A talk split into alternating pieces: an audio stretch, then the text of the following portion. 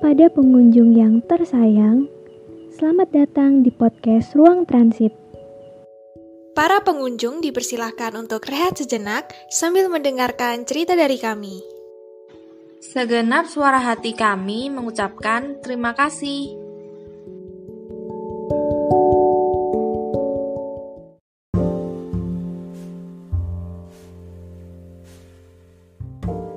Yang aku pikirin kalau aku mendapat kepercayaan dari seseorang itu berarti aku orang yang baik. Orang yang dapat dipercaya dia untuk menjaga atau melindungi sesuatu yang berharga. Ya semestinya orang itu juga tahu diri dong. Kalau dikasih kepercayaan, ya dijaga kepercayaan itu. Jangan sampai orang lain nyesel kalau kita nggak bisa jaga.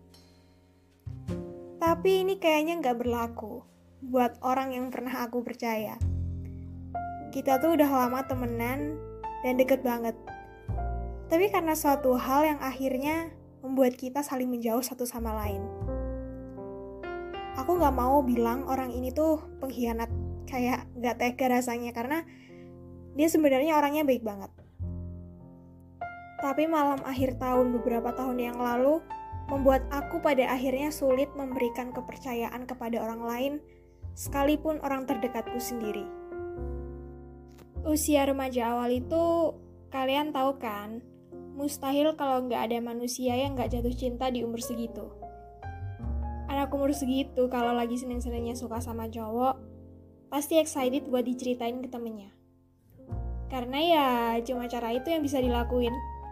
Mau confess ke crush, kayaknya nggak ada nyali.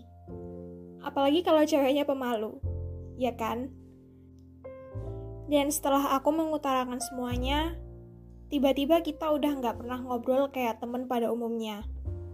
Dan ternyata dia punya teman baru. Di sini aku nggak ada masalah sih. Kamu mau punya teman baru, mau main sama siapa pun juga nggak masalah. Dan sampai pada akhirnya, kita udah nggak pernah sedekat dulu.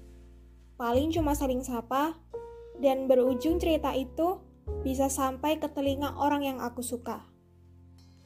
Asli, ini tuh rasanya nano-nano banget.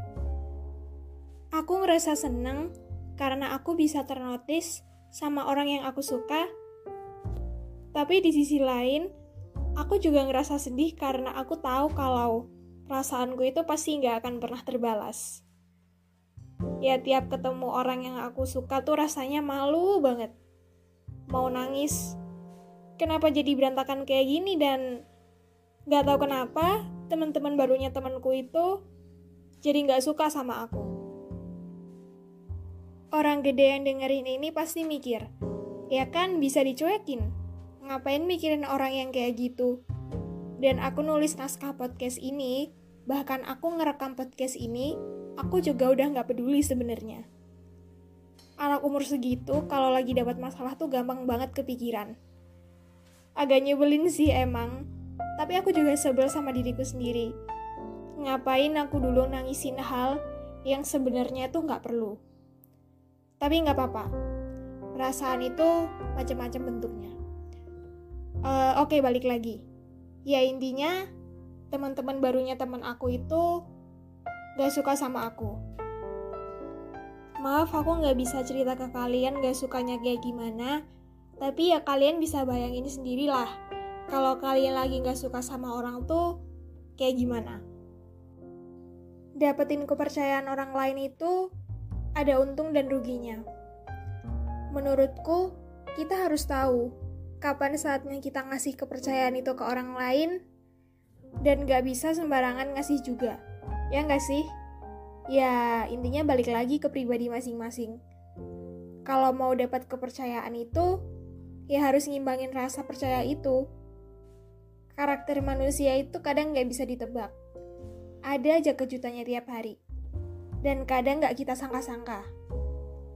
Gak semua perasaan itu harus kita simpan sendiri, dan gak semuanya harus kita ungkapin ke orang lain.